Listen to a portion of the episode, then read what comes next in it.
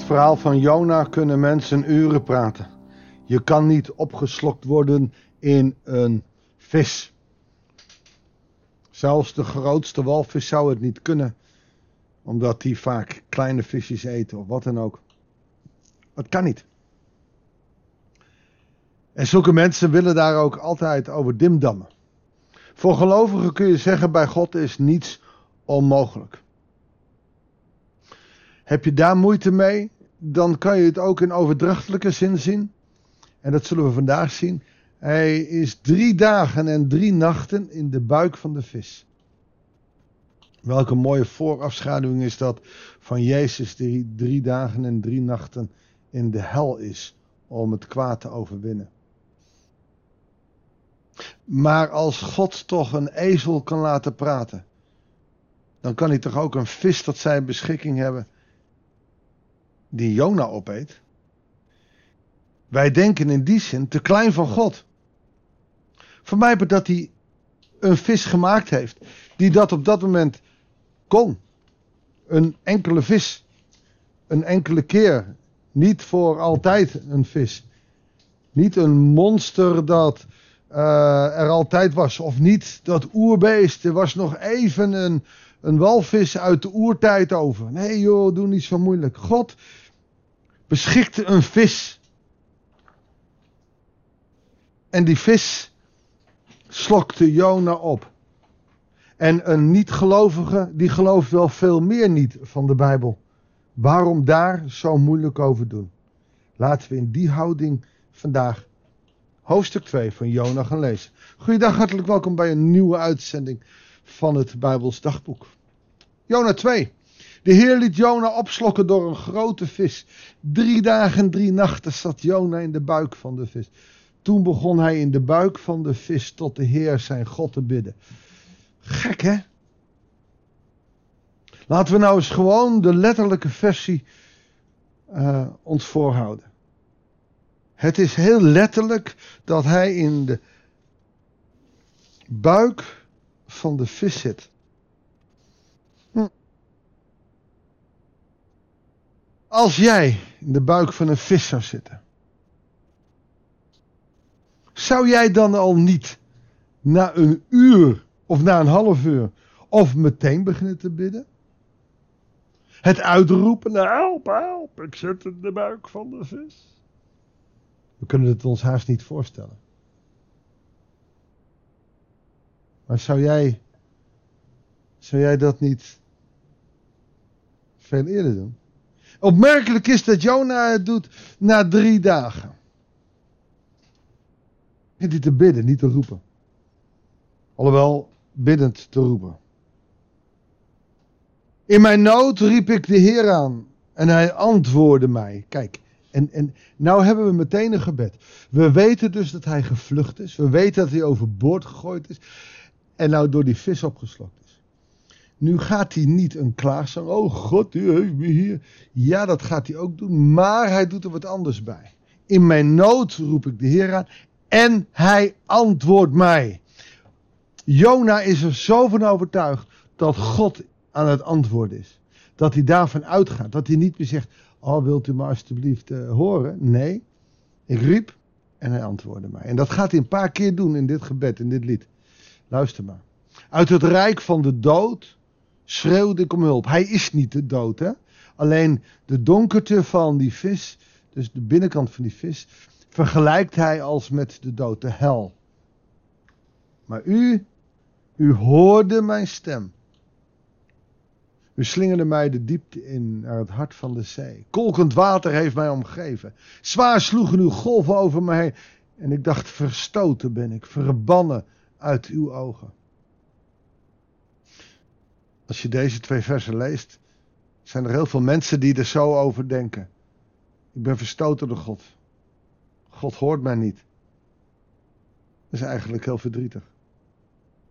Maar eens zal ik weer uw heilige tempel aanschouwen. Weer die zekerheid. Ik ben verstoten. Ik ben in het water gegooid. Water staat voor de dood. Ik ben verstoten, verbannen uit uw ogen. Maar eens zal ik weer uw heilige tempel zien. Waarom? Omdat God een God van trouw is. Omdat hij vertrouwen heeft in die God waarvoor hij weggevlucht is. Het water sneed mijn adem af. Muren van water hebben mij omgeven. Met wier is mijn hoofd omwonden. Ik zonk naar de bodem waar de bergen oprijzen. Naar het rijk dat zijn grendels voor goed achter mij sloot. Maar u trok mij levend uit de dood omhoog. O Heer mijn God.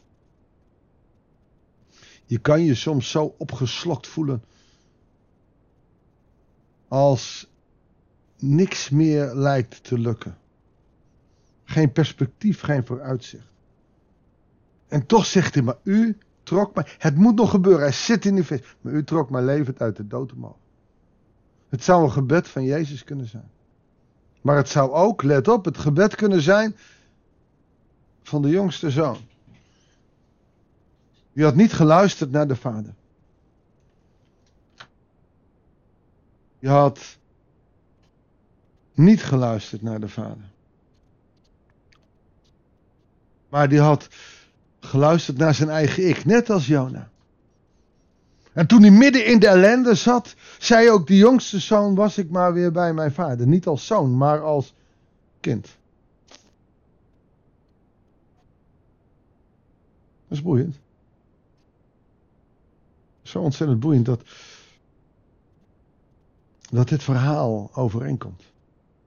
Jona die vanuit de donkerte roept van waar bent u God? Was ik maar weer terug bij mijn vader. Oh, en dan gaat Jona een stap verder. Hij zal mij. De verloren zoon zegt nog, zou hij. Ik ga wel als zijn dienstknecht. Maar zie je de overeenkomsten? Jona gaat nog verder. Toen mijn levensadem mij verliet, riep ik u aan, Heer. En mijn gebed kwam tot u in uw heilige tempel. Zij die armzalige goden vereren, verlaten u, trouwe God. Maar ik zal mijn stem in dank verheffen. En uw offers brengen, mijn gelofte los ik in. Het is de Heer die redt. En op dat moment spuugt de vis hem uit op het droge. Net als de jongste zoon. Als hij zegt, ik ga terug naar de vader, want de vader is trouw. Zal ik dan alleen maar als dienstknecht mogen optreden, daar krijg ik te eten. En de vader stond op hem te wachten, met zijn armen open wijd. Hij mocht niet eens uitspreken. Hij was meteen weer volledig de zoon van de vader. Want zo is God. God is een God van trouw. Wat we ook gedaan hebben, hoeveel moeite wij ook doen om God te ontwijken. Uiteindelijk is het God zelf die zegt: Ja, dat kan je allemaal wel vinden. Maar jij bent mijn geliefde kind. Ik kijk naar jou om. En ik zal zorgen dat jij door mij, in mij, met mij, genade zal ondervinden. En dan zitten we al halverwege het boek. Jona krijgt genade. Jona krijgt enorme genade. We zitten halverwege het verhaal van de verloren zoon. Die zoon heeft genade. Maar wat zal er dan gebeuren? Wat gebeurt er met de vader? Wat gebeurt er met de zoon? Wat gebeurt er met Jona? We zitten hier op een kantelpunt. En, en dat is voor ons ook. Als jij genade krijgt, als jij genade ontvangt van God. Wat doe je daarmee? En jij, ik, wij hebben die genade gekregen van God. En wat doen we mee? Graag, dan laat ik je mee zitten. Om daar vandaag eens over na te denken.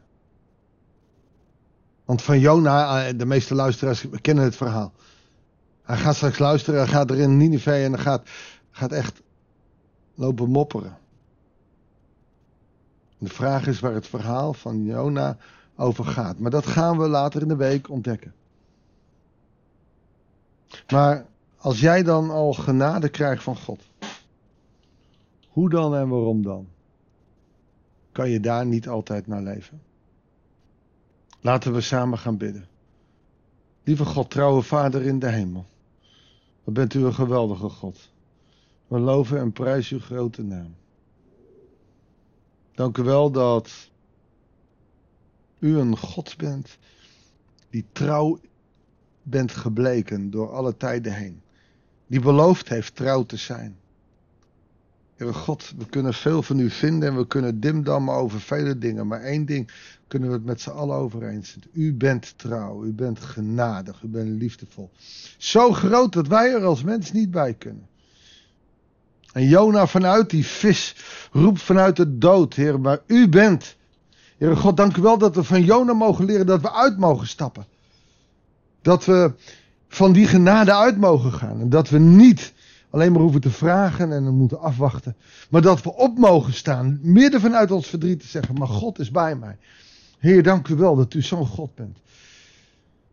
Leer ons zo in die kracht te leven. Heer, dat bidden wij u. In Jezus' naam. Amen. Dankjewel voor het luisteren. Op weg naar het volgende gedeelte van Jona.